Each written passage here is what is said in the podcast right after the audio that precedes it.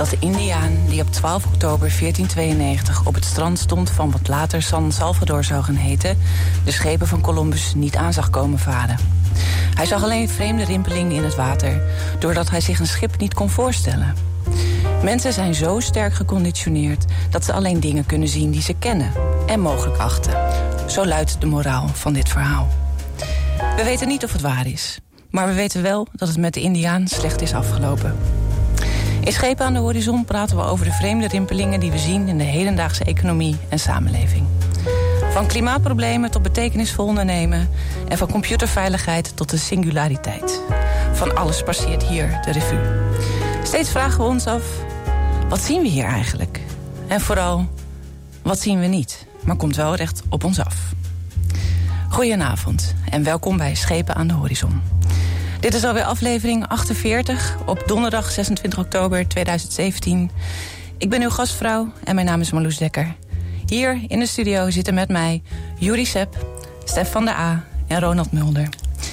En Ruurt-Jan doet de techniek. Vanavond pakken we op waar we de vorige aflevering gebleven waren. Digitalisering en privacy. Wij ontdekten met Jeroen Sprangers als onze gast dat er zoveel over dit onderwerp te zeggen was en er zoveel over in ontwikkeling is, dat we hier graag nog een keertje met elkaar over doorpraten. Daar bent u vanavond, uh, ja, eigenlijk ook onze gast. En we zijn tegelijkertijd zelf onze gast. Um, Juri, jij uh, uh, las deze week over recente ontwikkelingen in uh, China. En neem ons daar eens in mee. Ja, dat klopt. Uh, ik las een artikel in Wired Magazine. Dat heette Big Data Meets Big Brother as China Moves to Rate Its Citizens. Uh, door Rachel Botsman, een uh, onderzoekster. En uh, het blijkt dat de Chinese overheid uh, in 2014 al een document heeft gepubliceerd. Dat uh, heet het Overzichtsplan voor het bouwen van een sociaal kredietsysteem. En dat komt erop neer dat de overheid de burgers en bedrijven allemaal een, een cijfer wil geven. ze zeggen van het, het, gedrag van iedere individuele burger en rechtspersoon zal becijferd en geclasseerd worden of ze dat nu leuk vinden of niet.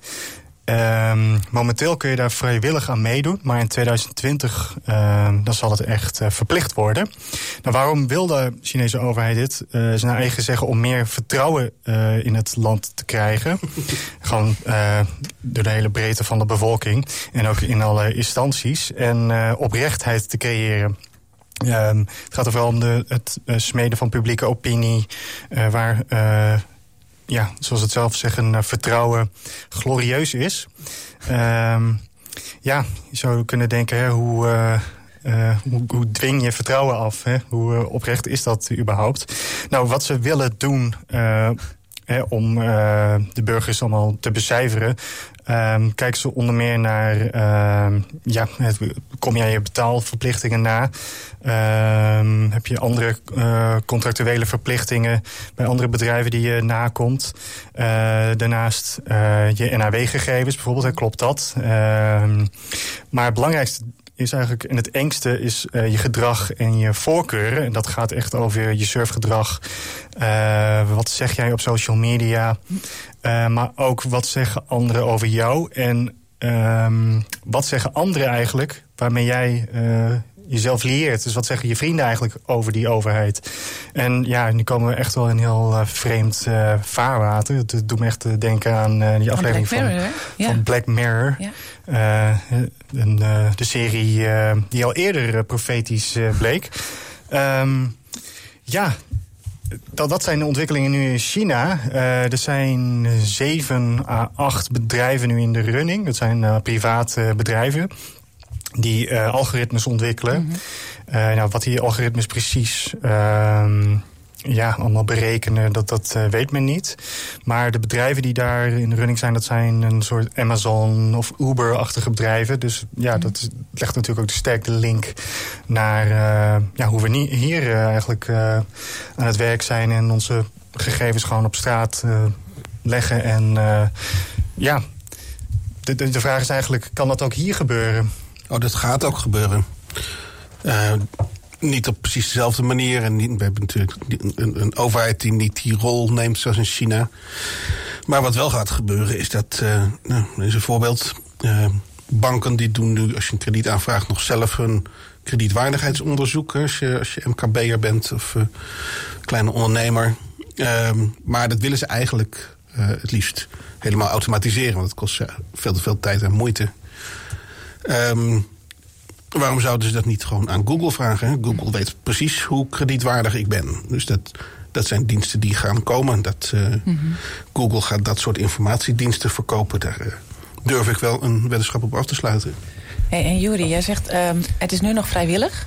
Ja. In 2020 verplicht. Verplicht, ja. Dat is ook raar natuurlijk. Hè, want uh, misschien als je nu dat vrijwillig doet... kom je dan direct al in een goed boekje bij de Chinese uh, ja. Het, het rare wat er ontstaat is natuurlijk iets... wat zichzelf helemaal op lijkt te vreten. Hè? Uh, als de overheid het helemaal gaat bepalen van wat jij wel en niet mag doen, wat gewenselijk, gewenst gedrag is. Ja, waar blijft jouw persoonlijke vrijheid uh, doen en wie ben jij dan nog als persoon? En waar, waar um, wat betekent ook het, het raten, hè? Met welke consequentie? Ja, ja, ja, ze zeggen zelf dat het is meer om te nudgen. Hè? Dus mm. ze kunnen zien, uh, speel jij de tien uur per dag uh, videogames bijvoorbeeld. Ja. Hè, dan, dan ben je lui. Zo word je dan aangemerkt. Oh ja. Maar um, ja, hoe zij jou dan naar uh, gewenst gedrag gaan uh, nudgen, dat weet ik niet precies. Maar al dat soort gegevens worden verzameld. En um, ja, zoals we het in uh, Black Mirror zagen... kan dat consequenties hebben voor de buurt waar je misschien wilt gaan wonen. En dan krijg je misschien sociale segregatie. Maar uh, ja, dat is een beetje koffiedik kijken, denk ik. Ja, maar, daar in die aflevering van Black Mirror werd ook echt... Um, konden mensen elkaar ook ranken, hè? En uh, als je daar dan in de rij stond, ik kan me nog herinneren, volgens mij is het de aflevering waar zij in de rij staat voor een huurauto. En uh, dat heeft ook met kredietwaardig uh, volgens mij te maken. En uh, op een gegeven moment blijkt dus dat zij um, niet aardig genoeg doet tegen het personeel. En het personeel uh, rankt haar gelijk. En daardoor komt ze weer in een andere categorie terecht. En kan ze dus een minder luxe auto huren. Als je die aflevering kijkt, dan denk je... dat is gewoon science fiction. Dat gaat gewoon niet gebeuren. Nou, en, en, en eigenlijk is dat nog... het slaat meer ergens op. Het is meer echt social rating dan wat ze mm -hmm. nou in China gaan doen. Hè? Want, ja. uh, je vertrouwen of je reputatie, dat is natuurlijk veel meer van wat anderen van je, van je vinden, de, de cirkel om je heen van je vindt, dan wat de overheid dan denkt. En zoals het in Black Mirror werd, werd, werd uh, gespeeld, um, verschilt niet zoveel van hoe dat vroeger in een dorp ging. Dan was je. Ja, je, je, was wie je was omdat je de zoon van die en uh, de neef van die ander was. Hè? Dat, uh, ja. Of van dezelfde, dat ligt aan het dorp. Maar de, um, dus dat, dat je relaties bepalen, uh, uh, wie je bent en in hoeverre je te vertrouwen bent, dat is niet zo'n raar idee. Maar het klinkt natuurlijk, als we dat gaan ja, automatiseren, klinkt ja. het wel weer heel eng. Ja. Ja, je krijgt van die ruwe data. Uh, daar sprak Jeroen er vorige keer ook over. Van, uh, data, uh, het zegt op zichzelf niet zoveel. Het kan gerangordend zijn. Uh, het is, je mist de context. Uh, met in Black Mirror termen te spreken. Uh, die, die, vrouw had haar dag niet. Mm -hmm. En dat zorgde ervoor dat alles helemaal escaleerde en ja. helemaal fout ging. Um, ja, wanneer uh, ja, wij moeten handelen zoals de Google-algoritmes uh, dat voorwijzen. Ja, hoe, hoe contextafhankelijk kun je dat nog maken? Hè? Dus uh, er moet toch altijd wel een soort menselijke maat daarin terug te brengen zijn. Lijkt mij wel dat in, in, in ieder geval sociaal ook gaan werken. Ja, dat, ja idealiter wel. Uh, het ligt ook aan of die, of die algoritmes openbaar zijn. Hè? Als je, uh, ken je de criteria? Mm -hmm. Weet je hoe ze worden gewogen? Of, of is het uh, in het voorbeeld van de net bij die kredietaanvraag... dat je dan te horen krijgt van uh, nee. en zeg, waarom niet? Dan zegt de meneer van de bank, ja dat weet ik niet. Dat zegt Google. Ja. het, zegt het systeem. Ja. Dat, dat, wordt natuurlijk wel een hele, een hele vervelende situatie... waar, waar mensen ook niet makkelijk accepteren, denk mm -hmm. ik. Nee, want je hebt ook weinig... Um, ja, hoe kun je dat herroepen? Kun je het laten corrigeren? Maar dat zijn natuurlijk uh, wel ontwikkelingen die ook... Um, uh, de overheid nu wil doorvoeren. Dat het natuurlijk scherper gelet wordt op je persoonsgegevens volgend jaar mei. Um, ja, hoe, hoe, kun je dat bij private bedrijven gaan uh, laten corrigeren? Hè? We hadden natuurlijk bij Google is het uh, voorbeeld van het recht om vergeten te worden. Mm -hmm. Maar ja, dat zou, dat zou dan ook verder moeten kunnen gaan, denk ik, als zij meer macht krijgen of gewoon worden ingeschakeld voor overheids. Of keuzes die de overheid is zou moeten maken... of jij te vertrouwen was of niet om bepaalde um, ja, zaken te kunnen krijgen... zoals een uitkering of ik noem maar wat. Dus um, ja, en ondermijnt dat ook niet ergens weer het verdienmodel. Dus je merkt mm -hmm. dat gewoon echt op gespannen voet gaat staan meer. Um, ja, de vraag, hoe kan men dat oplossen? Hè? Uh, gaat de overheid zelf een soort algoritme misschien inschakelen?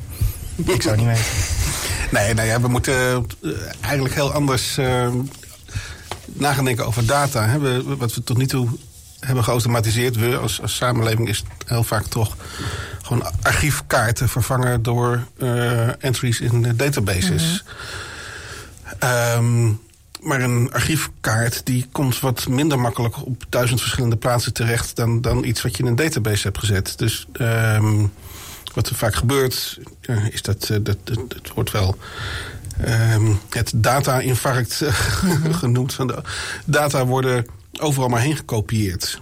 Um, dus zelfs als Google mij gaat vergeten, dan weet, je nog niet wie die data inmiddels ook heeft.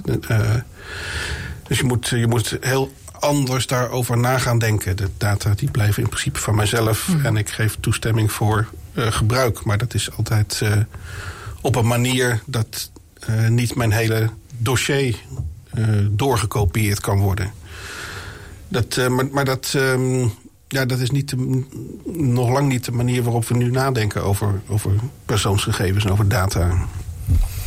Nee, dat, we hadden het in eerdere aflevering ook over dat soort assets. Mm. He, dat je systemen ontwikkelt van uh, deze partij mag alleen dit soort gegevens van mij en de rest niet. Uh, maar het hek lijkt ergens nu ook al een beetje van de dam te zijn door die grote bedrijven die uh, je kunnen trekken online. Het, het, lijkt in die zin alleen maar meer te worden met Fitbits. Wat zijn Fitbits? wearables bijvoorbeeld. Dat je eigenlijk, oh, we integreren ja. ons eigenlijk steeds ja, ja, meer. Um, en we omarmen het internet. Mm -hmm. Het brengt ook veel. Uh, maar aan de andere kant ja, is, is er ook die hele zwarte kant van... stel dat het één keer fout gaat, mm -hmm. dan gaat het ook goed fout. Ja. Wat ik dan wel weer bijzonder vind... Hè, ik uh, um, werk natuurlijk veel met, uh, met jongeren... En um, als we nu dan dus zien dat wat dan in China gebeurt... Hè, met dat de overheid dat dus nu nou niet eens voornemens is... het gaat gewoon gebeuren. Mm -hmm. ja. als je dus kijkt naar hoe jongeren hiermee omgaan... Uh, generatie Z is de eerste generatie die uh, niet een wereld zonder internet kende. En als je dan um, hen vraagt hoe zij denken over privacy en digitalisering en dergelijke en online identiteit, dan um, zien zij um, de bescherming van hun online identiteit en uh, privacy, zien zij heel erg als een eigen verantwoordelijkheid. En uh, dus niet als iets um, waar instituties en uh, overheid... Um, uh, dat die dat zouden moeten handhaven. Dat vind ik eigenlijk wel een interessante... Uh, ja, eigenlijk bijna tegenstrijdig met wat je dan ziet gebeuren.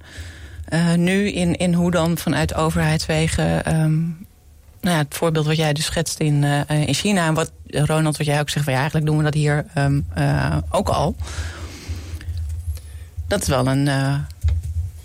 Ja, eigen verantwoordelijkheid is uh, natuurlijk heel belangrijk. Uh, de vraag is wel van in hoeverre kun jij zien wat er gebeurt. En mm -hmm. heb jij inzicht in die black box die daarachter hangt. Ja. Ja, op een gegeven moment kun jij niet meer offline. Dat, dat, dat is ook een mooi voorbeeld wat Jeroen vorige keer vertelde. Hè. De, de, overheid gaat er ook in mee. Je moet via DigiD, mm -hmm. uh, je belastingaangifte, ja. dat wordt allemaal bewaard. Maar die systemen die kunnen ook gehackt worden. Ja. En dat gebeurt ook keer op keer. Dus jij wordt ook geforceerd om dat te doen. Dus die verantwoordelijkheid die kan niet alleen bij je privépersoon liggen. Nee. Um, ja. En, en, het gaat misschien op voor zover het gaat om, om dingen die je zelf deelt. Hè? Mm -hmm. Ik denk wel dat, dat jongeren die gaan ervan uit, tenminste is ook mijn observatie, dat alles wat je op Facebook zet, ook al zet je dat op, privé, dat komt overal terecht. Wat je ja. op Tinder doet, komt overal terecht. Uh, dus die denken heel goed na over wat ze daar wel en niet doen. Dat, mm -hmm. Dus dat, dat begrijp ik, eigen verantwoordelijkheid daarin. Maar je uh, niet alleen, meer alleen achter, als je achter de computer zit, maar je hebt altijd die telefoon bij je. Die Mhm. hele dag lek je ook gewoon data. Ja. zonder dat je het bewust bent. Ehm, de- en natuurlijk kan je dingen uitzetten en kan, je, eh, kan je daar wat voorzichtig mee omgaan. Maar in principe eh, eh, word je de hele dag getrackt. Mhm. Eh, weet eh, je telefoonprovider. Eh, soms ook de telefoonleverancier als je een eh, OnePlus hebt. Eh, Google. Ja. weten van elk moment van de dag waar je bent. Mhm. Ehm, en waar die data vervolgens heen gaan, weet je niet. Daar kan je heel, heel moeilijk eigen verantwoordelijkheid voor nemen. Behalve af en toe je telefoon uitzetten of zo. Maar dat, ik geloof niet dat ze dat doen. Het is eigenlijk dus gewoon een schijnidee. Van, hè, je kunt wel denken dat je daar zelf verantwoordelijkheid over kan, kan hebben. Maar zo werkt het eigenlijk zo werkt het dus gewoon duidelijk niet. Nou, dat is misschien nog wel zorgwekkender. Eh, want dan is het dus inderdaad de vraag in hoeverre ehm, nou ja, jongere generaties daarvan goed doordrongen zijn. Ja, ja, het is natuurlijk ook eh, belangrijk. De enige verantwoordelijkheid die je hebt is ook eh, bijvoorbeeld password settings. Mhm. Dat je die niet overal laat rondslingeren. De, het metafoor van de brandblusser die eh, vorige keer aan bod kwam. Ja. van, maar dan is ook weer de vraag die jij ook stelde. Van, eh, hoe weet je dat er brand is? Hoe weet Ja. jij dus aan de achterkant wat er met die data gebeurt? En het is vooral die eh, onduidelijkheid, denk ik, wat ehm, nou ja, voor angst, problemen kan zorgen ook. En waar die discussies ook over gaan. Dus ja, hoe overheid of bedrijven dat zelf eh, kunnen eh, wegnemen, dat Mhm. is eh, aan hun. Dat lijkt mij misschien ook wel voor hun weer een nieuw verdienmodel. Om dat eh, ja, te kunnen waarborgen. brandblussers maken, creëren. Digitaal. Ja, digitaal. Ik eh, denk dat het eh, wat tijd is om eens naar een muziekje te gaan. En ehm, we gaan eh, volgens mij naar, eh, naar een keuze van eh, Ronald. Eh, ga je er zo meteen wat over zeggen? En is het gewoon even een verrassing voor de luisteraar? Ja, hoor, ik denk dat hij, ik denk dat hij nogal eh, eh, zelfverklarend is, als je hem hoort. Dan verklappen we hier ook gewoon niet de titel en gaan we gewoon lekker luisteren.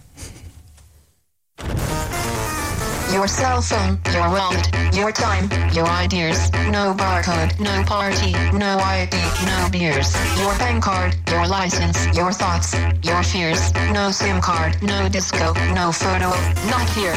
Your blood, your sweat, your passions, your regrets, your profits, your time off, your fashions, your sex, your pills, your grass, your tits, your ass, your laughs, your balls. We want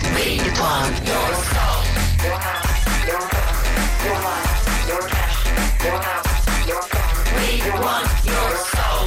Your life, your love, your life, your life. Your habits, your fads, your fears. Give us your address, your shoe size, your years, your digits, your plans, your number, your eyes, your schedule, your desktop, your details, your life. Show us your children, your photos, your home.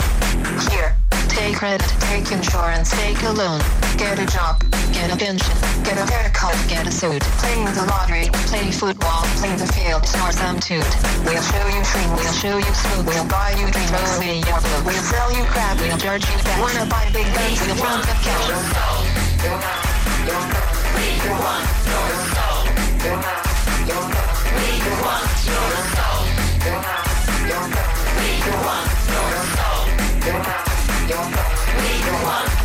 thoughts, your emotions, your love, your dreams, your checkbook, your essence, your sweat, your screams, your security, your sobriety, your innocence, your society, yourself, your place, your distance, your space.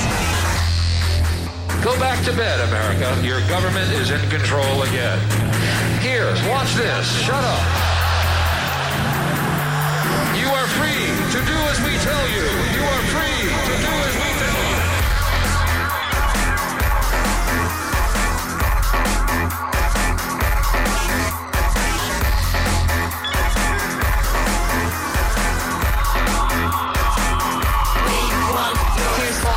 Here's Mackers, here's Britney, here's Cola, here's pizza, here's TV, here's some rock, and some roller. Watch commercials, more commercials, watch Jerry, not Oprah. Buy a better life from the comfort of your sofa. Here's popcorn, here's magazines, here's milkshake, here's blue jeans, here's padded bars, here's armpit wax, here's football shirt, here's baseball cap, here's live talk shows, here's video games, here's cola here's tin morning, here's filter tips, here's collagen, here's all night here's plastic here's Go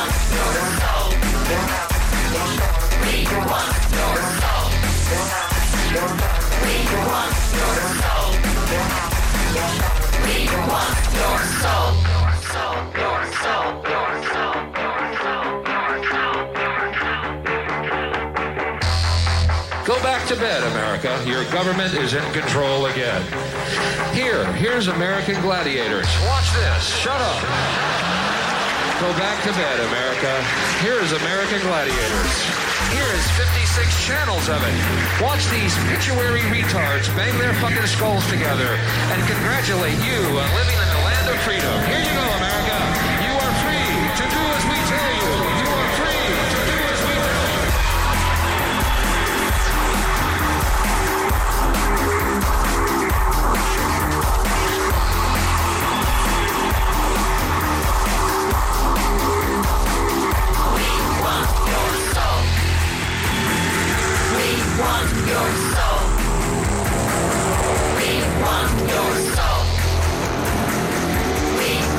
You're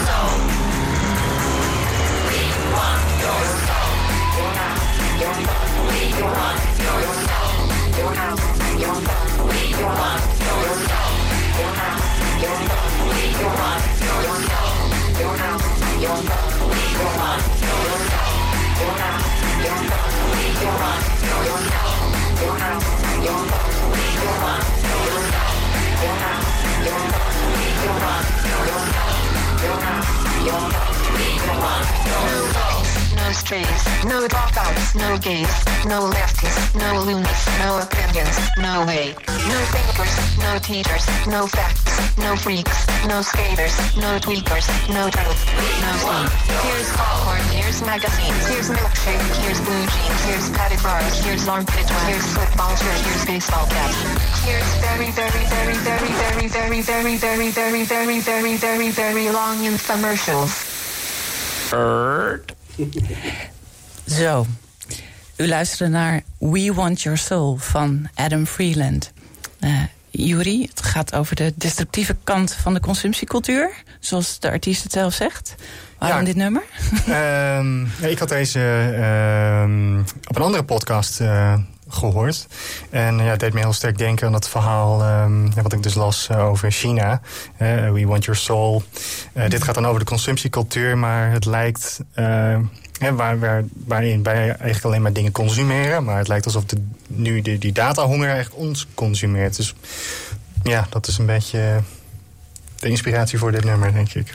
En is het verzamelen van data niet ook voor een heel groot gedeelte bedoeld voor marketing? En is marketing weer niet voor een heel groot gedeelte gebaseerd op eh, de consumptiecultuur? Ja, zo is de cirkel weer rond, Zo is de cirkel weer rond. U luistert naar de Schepen aan de Horizon. Ik ben uw gastvrouw, Marloes Dekker. En vanavond praten we over internet, privacy en de toekomst.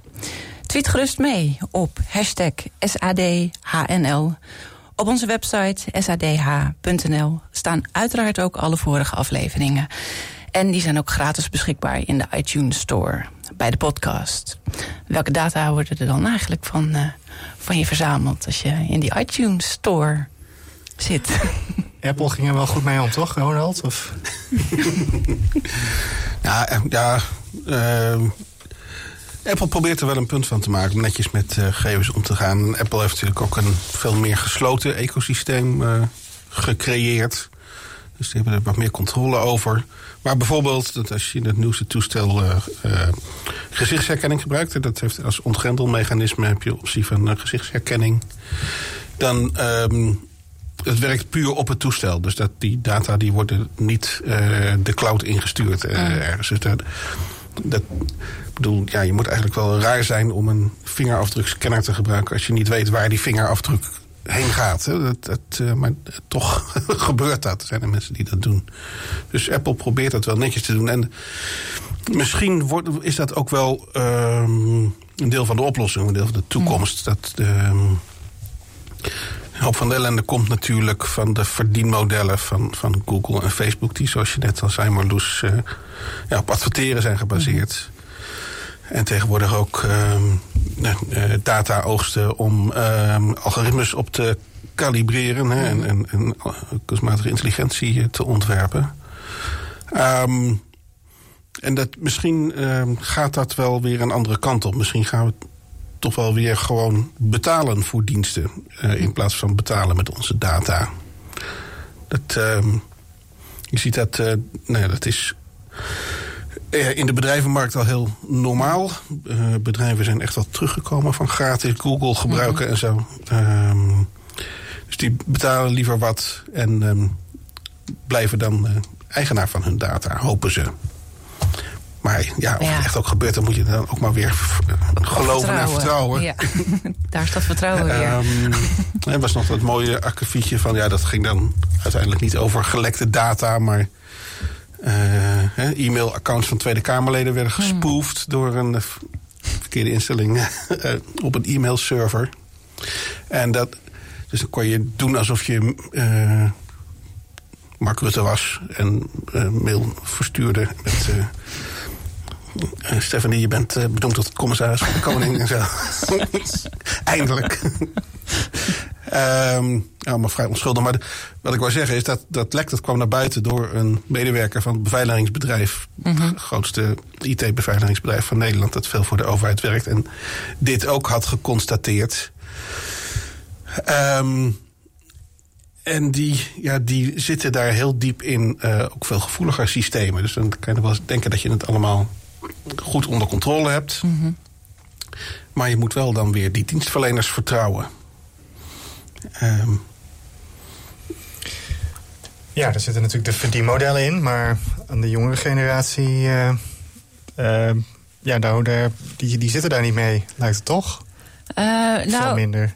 Ja, die lijken daar inderdaad minder eh, mee te zitten. Of eh, wat ook wel. ehm, ik eh, las laatst een onderzoek van Youngworks, een communicatiebureau dat heel veel onderzoek doet onder, onder jongerencultuur.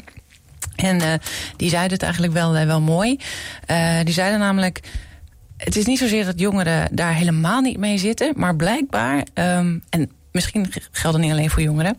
Maar zoals zij zeggen, dat eh, de behoefte om je behoefte direct te kunnen bevredigen online. En eh, de fear of missing out. Die winnen het bij jongeren toch ehm, van het zorgen hebben over de, risico, de privacy-risico's. Dus blijkbaar is die. eh, ja, is, is, is, is toch inderdaad dat, dat, dat vervullen van, van die behoeften gaat dan voorop. En dan vergeet je maar voor het gemak. Of dan denk je er maar niet bij na. Of, eh, dus dat weegt, dan, eh, dat weegt dan toch zwaarder. En dat doet me toch weer ook eventjes denken aan eh, het eerste nummer wat je had uitgezocht. eh, Want het lijkt toch weer heel erg te gaan dan over niet alleen je online identiteit, maar eigenlijk alles. Ja, dan is het toch ook wel weer handig dat ehm, eh, op Facebook of eh, eh, online ehm, dat, dat, dat jij gewoon eh, ehm, advertenties krijgt over de, de merken die jij graag draagt. En dat er iemand anders een beetje na gaat denken over de, jouw identiteit en welke schoenen daarbij passen. Ja, een betere gebruikservaring, persoonlijker. Ja. Ehm, ja. Ehm, ja, dat klopt. Dat, dat, dat is ook de, de positieve kant ervan. Ja. En eh, ja, de- er zijn altijd twee kanten eh, die eraan zitten. Ehm, ja, het gevaar wat jij zegt, dat is natuurlijk ook een beetje puur die aandacht, het gefragmenteerde aandacht, het continu eh, online willen zijn om Mhm. te denken dat je iets mist. Ehm, ja, ik heb geen idee hoe dat nu eigenlijk zit met eh, mensen die er eigenlijk weer vanaf stappen van Facebook. Eh, kijk ik even naar Ronald. Eh, jij eh, bent eruit gestapt. ja, bevalt heel goed. bevalt heel goed. Jij bepaalt gewoon zelf welke schoenen je koopt. En, Eh, ik koop allemaal schoenen op eBay. Tweedehands. Nee, ehm, Nou, dan krijg je waarschijnlijk ook verko- suggesties.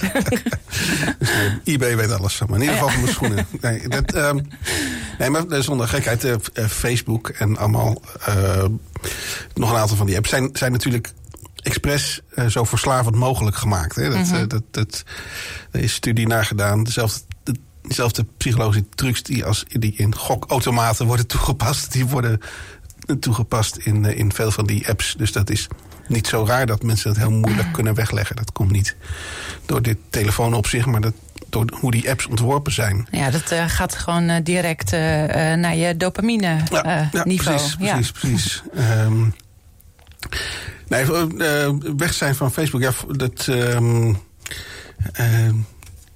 inderdaad denk je in het begin van, ik mis een heleboel. Hm. Maar dat blijkt dan heel erg mee te vallen. Af en toe krijg je te horen van, hé, hey, had je dat niet gehoord dan? En wat je dan niet gehoord hebt, dat is meestal iets wat dan in een in een groep is gedeeld, hè, een besloten groep, ehm, waar, het, waar dan een- zo'n Facebookgroep als mededelingenplatform wordt gebruikt. Of een, een uitnodiging voor een of ander evenement.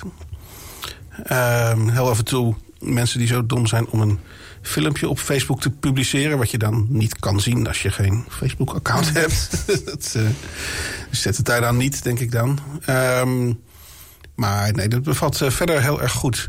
Ehm, wat ik nog even was, de, de, wat voor advertenties geldt, namelijk dat je de advertenties krijgt die voor jou relevant zijn. En dat is eigenlijk wel prima, want beter relevante advertenties dan irrelevante advertenties.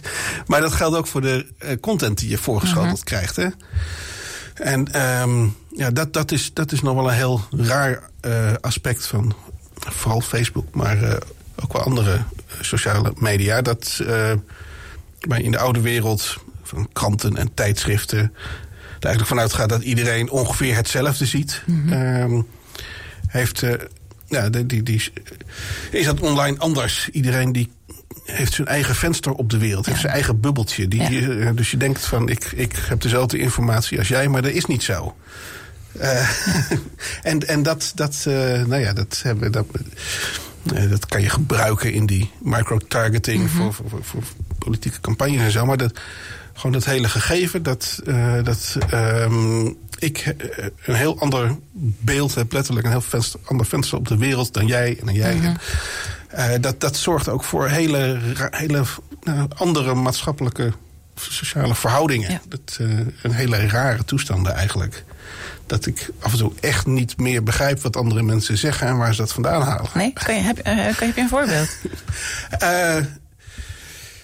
De, ehm, nou ja, met name de gepolariseerde discussies, zoals over vluchtelingen. De, Ja. En over, dat, over al die bomaanslagen in Zweden. En ik denk, ja, eh, hallo. eh, eh, weet ik niks van. Ik durf, ik ben al een tijdje niet in Zweden geweest. Ik durf niet te zeggen dat het echt niet waar is, maar ik vind het wel raar. Ja. Ja, je hebt de, de, de Ja. publieke opinie, eh, of de, het publiek eigenlijk, als, als een. eh, ja, dat heb je nodig voor een goed functionerende democratie. Dat, dat deed echt zijn intrede bij met eh, de boekdrukkunst eigenlijk. Dat je een eh, ecologie had van, eh, van media. Daar begon het mee.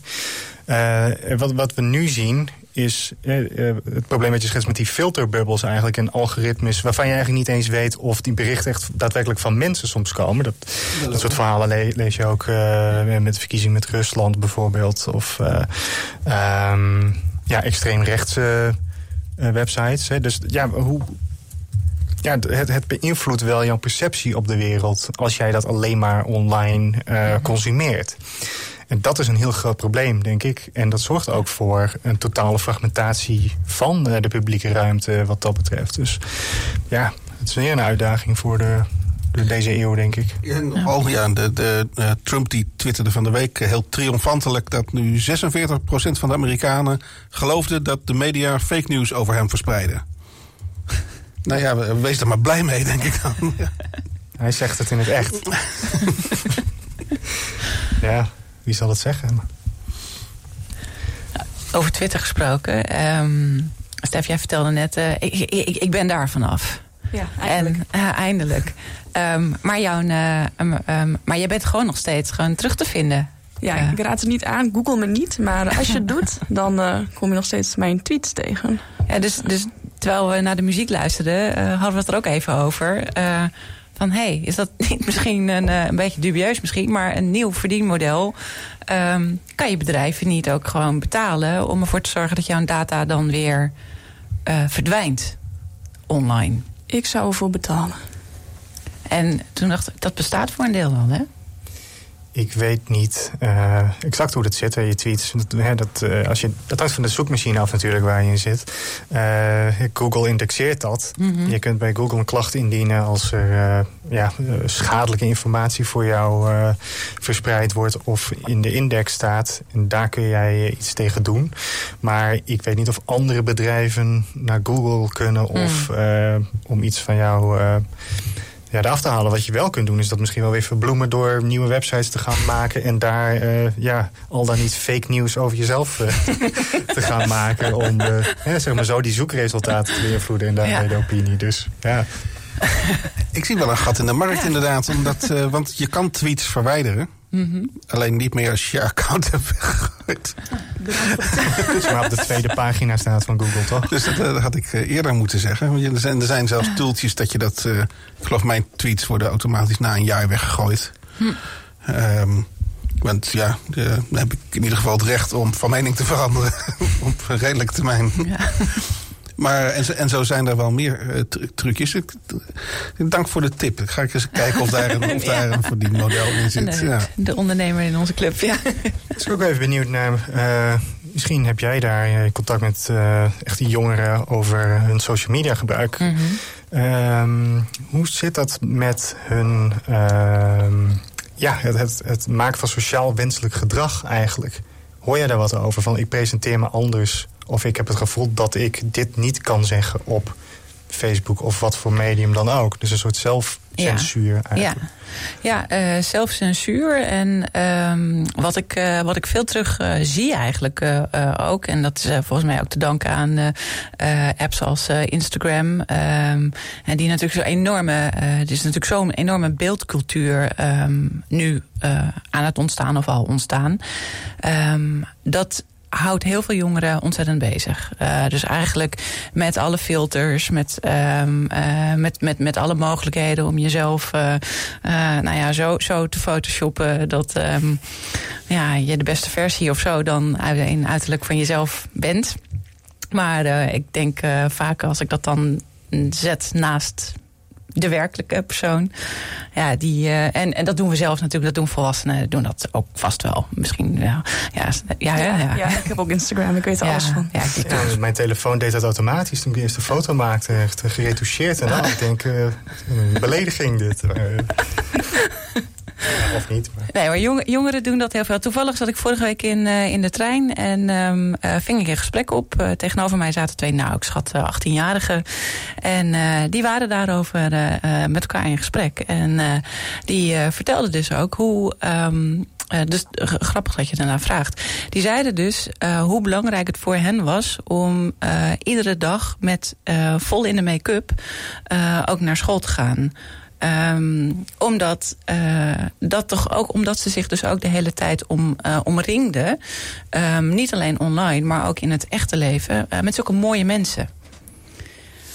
Dus, de, dus de druk van, en dat is natuurlijk aan de ene kant van alle tijden. Hè, je wil ergens bij horen en volgens mij wil iedereen toch mooi zijn. En um, er goed uitzien. Maar die nadruk op uiterlijk en de mogelijkheden die dus inderdaad uh, Instagram, Snapchat en alles uh, uh, biedt.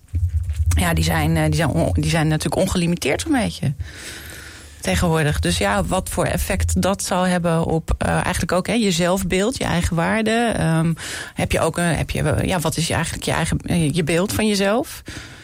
Um, vind ik wel een hele spannende.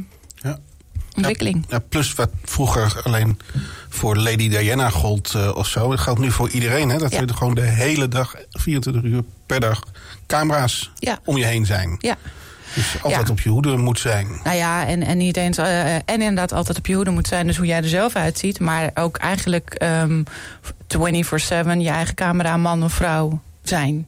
Met de selfies uh, uh, um, in de weer. En ja, iedereen, um, iedereen kan Beyoncé zijn, hè? Het was toch niet de aankondiging van het liedje, hoop ik. Het is wel een mooi, eh, mooi bruggetje. Ehm, we gaan niet luisteren naar eh, Beyoncé, geloof ik. Ehm, Ronald, deze keer ga jij eh, ons straks vertellen waar we naar hebben geluisterd. Deze keer echt, hè? Dus ehm, ik zou zeggen, tijd voor wat muziek.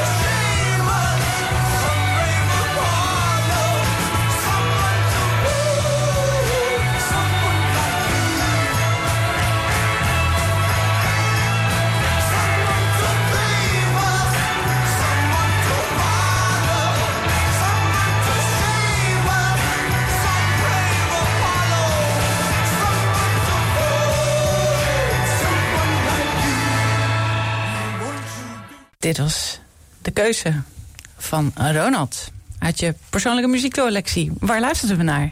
Ja, we hebben eh, Bowie, mijn grote held eh, David Bowie. Van eh, de LP, lang geleden, Diamond Dogs. En ja, de- de- duidelijk waarom dat bij het, bij het verhaal past natuurlijk. hè, Big Brother, het nummer. Dit is Schepen aan de Horizon. En, eh, een discussie over actuele en toekomstige onderwerpen in economie en samenleving. We besteden vandaag aandacht aan privacy, het internet en de toekomst daarvan. En ehm, we spraken er net eh, al uitgebreid over. Ehm, het, eh, de consequentie eigenlijk, of de gevolgen van eh, ehm, digitalisering of van apps als Instagram op het zelfbeeld van, van jongeren. Eh, hoe dat doorwerkt in, eh, ik zeg altijd eh, real life, maar real life en online life zijn natuurlijk allemaal gewoon live. Ehm, zouden we ons er eigenlijk ook nog aan kunnen onttrekken? Aan die hele digitalisering? Is het, is het onomkeerbaar?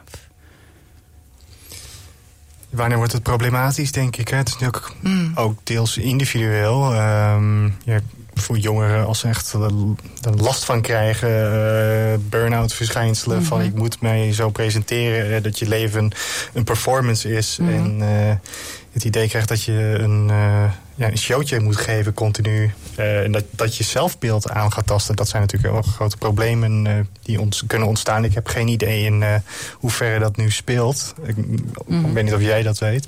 Nou ja, kijk, het is, ja, ik zie wel dat het ehm, in een leeftijd gebeurt waarin je überhaupt nog de vraag kan stellen, ook als de hele online wereld niet bestond, ben je bezig met je identiteit ontwikkelen. Wie ben ik? Wat kan ik? Wat wil ik? Eh, daar komt nu zo'n enorme dimensie, wordt daaraan toegevoegd. Namelijk inderdaad het creëren van jouw online identiteit. Ja, dat, dat, dat, dat zie ik wel. ehm, ik, ik, ik zie toename in het eh, aantal jongeren ehm, van begin 20 met, eh, met burn-out klachten, met depressieklachten. Nou, dat is niet, kunnen natuurlijk even niet hier zo kort door de bocht zeggen dat dat hiermee te maken heeft. Maar ehm, het zal ongetwijfeld een factor van, van invloed zijn. Daar, eh, ja, dat durf ik wel eh, te stellen. Dus wanneer wordt het problematisch? Ik denk wel dat er een eh, zekere problematische kant aan, aan zit. En ehm, is dat ook al onderdeel van het onderwijs? Van, hoe ga je daarmee om, bijvoorbeeld? Wordt daar... Ehm, nou ja, wat, wat, wat ik zelf eh, zie en terugkrijg van, eh, van het onderwijs. Je hebt natuurlijk die 21st century skills, hè, waar, iedereen eh, op, op zit. En we hadden hier natuurlijk ook ehm, Nick Stevens een tijdje geleden in, in de studio. Die ook vertelde over de, de digital skills en hoe je dat in het onderwijs kunt, kunt integreren. Ik heb zelf het idee dat, dat die digital skills misschien nog heel erg gaan over, over het kunnen toepassen. Hè? Dus, dus inderdaad om kunnen gaan met ehm, technologie. En ehm, nou, ik denk zelf wel dat de, laten we zeggen, meer ja, human skills of social skills of soft skills, of hoe je ze ook zou eh, willen noemen. Ehm, dat de aandacht daarvoor ehm, net zo goed hoort bij het hele onderwerp digitalisering. Dus wat doet inderdaad eh, die, eh, die technologie en digitalisering voor jouw zelfvertrouwen? En eh, hoe, hoe leer je keuzes maken? En hoe leer je vertrouwen op je eigen, en wat, wie en wat dat dan ook is? Dus ik denk dat, ehm, volgens mij gebeurt dat nog niet zo heel veel in het onderwijs. Nou, dat is misschien een mooi onderwerp voor de volgende in deze serie. Ja, de- de- ik, ik, er komt wel langzamerhand een tegenbeweging op. Het is natuurlijk ook gewoon hele nieuwe technologie. Ehm, je zegt die generatie Z is de eerste die altijd online is geweest. Maar de- we hebben het toch nog maar over een paar jaar dat iedereen met een smartphone op zak loopt. Dus dat is ook eh, wennen. En het is ook hele gebrekkige technologie in feite. Je moet dan een stomme schermpje kijken. Dat wordt ook nog wel beter. We krijgen wel voice interfaces en, en, en eh, dingen die op je contactlens geprojecteerd worden.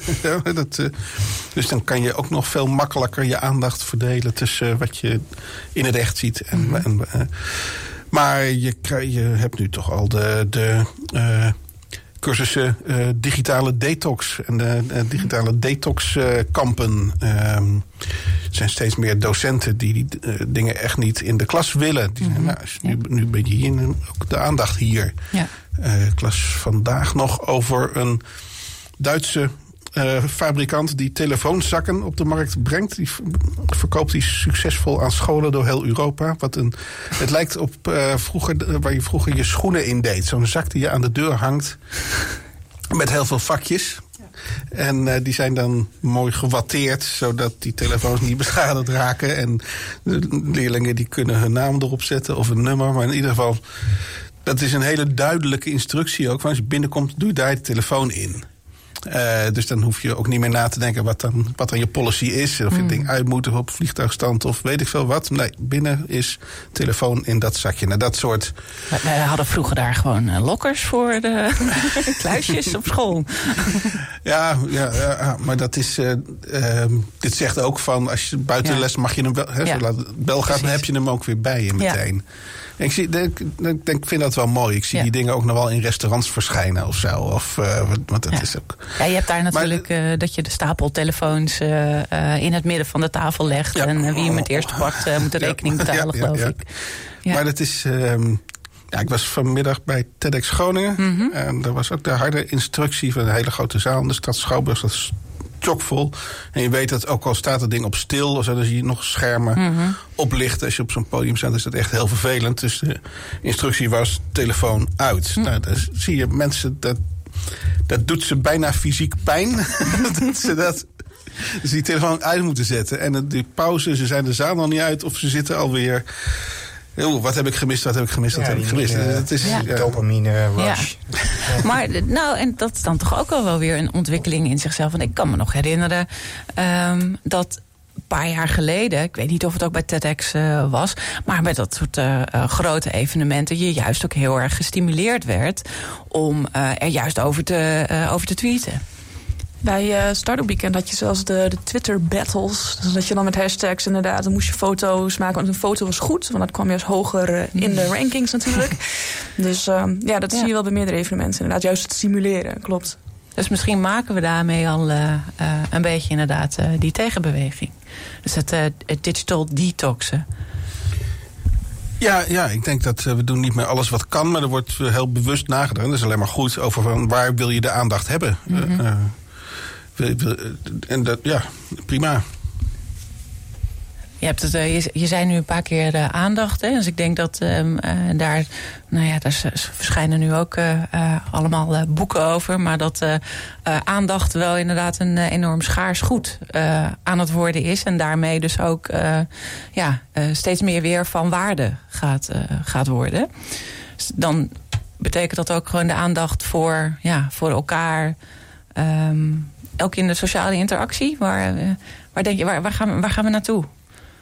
Welke rimpelingen zien wij nou? Ja, eh, inderdaad. Nee, ik, ehm, ik denk dat dat wel een, eh, een herwaardering aan het krijgen is. Ehm, eh, aandacht en liefde, hè? kwali- kwaliteit van, van, van gesprekken. Van, eh, ehm, je merkt ook dat het gewoon heel erg fijn is als je met iemand praat eh, die niet op zijn telefoon zit te kijken. Ja. Dat, dat, ehm, ehm, en we, dat, die onzin van multitasken die we een paar, eh, wat, wat hip was een paar jaar geleden, dat beginnen we ook te begrijpen dat dat niet bestaat. Je moet gewoon Ja. één ding. Ik vind het wel heerlijk, lekker zen. Gewoon één ding tegelijk en dat dan goed doen. Dat, eh, daar hou ik wel van. Er is natuurlijk ook die overdreven focus op productiviteit. Hè, die er altijd is. Van eh, het multitasken of ik, ik kijk even op mijn telefoon om dit te doen. Maar ehm, het lijkt dus ook een soort eh, schijnproductiviteit te zijn. Hè? Want de vraag is hoe productief en effectief ben je nou dan? ja, als ik je heb het- eh, drie keer getweet, een filmpje geüpload. En Ja. ik heb ja, dat, dat, dat krijg je. eh, ja, ja, wat is dat? Wat, Ja. is, wat, is, wat vind jij van waarde? Mhm. En ehm, ja, in plaats van wat je online alleen maar ziet, wat misschien meer bepaald wordt, wat eh, gewaardeerd zou moeten worden. Namelijk Mhm. ehm, sociale waardering. Dat zijn natuurlijk, we zijn mensen, sociale wezens, heel gevoelig voor. Ehm, maar ja, als jij er ongelukkig door wordt op een gegeven moment, dan eh, is het natuurlijk eh, tijd om ermee op te houden. Of eh, gewoon een, eh, een tijdslot erop. Misschien eh, moeten we maar eens kijken hoe we het eh, dopamine niveau eh, kunnen verhogen door gewoon weer wat meer met elkaar in gesprek te gaan. en eh, dan niet elk op je telefoon te kijken. Ehm, we gaan afronden. Dit was eh, Schepen aan de Horizon. De 48e, 48ste aflevering alweer. Reuze bedankt aan onze partners Oogradio, Voice Telecom, Warpnet en Studium Generale.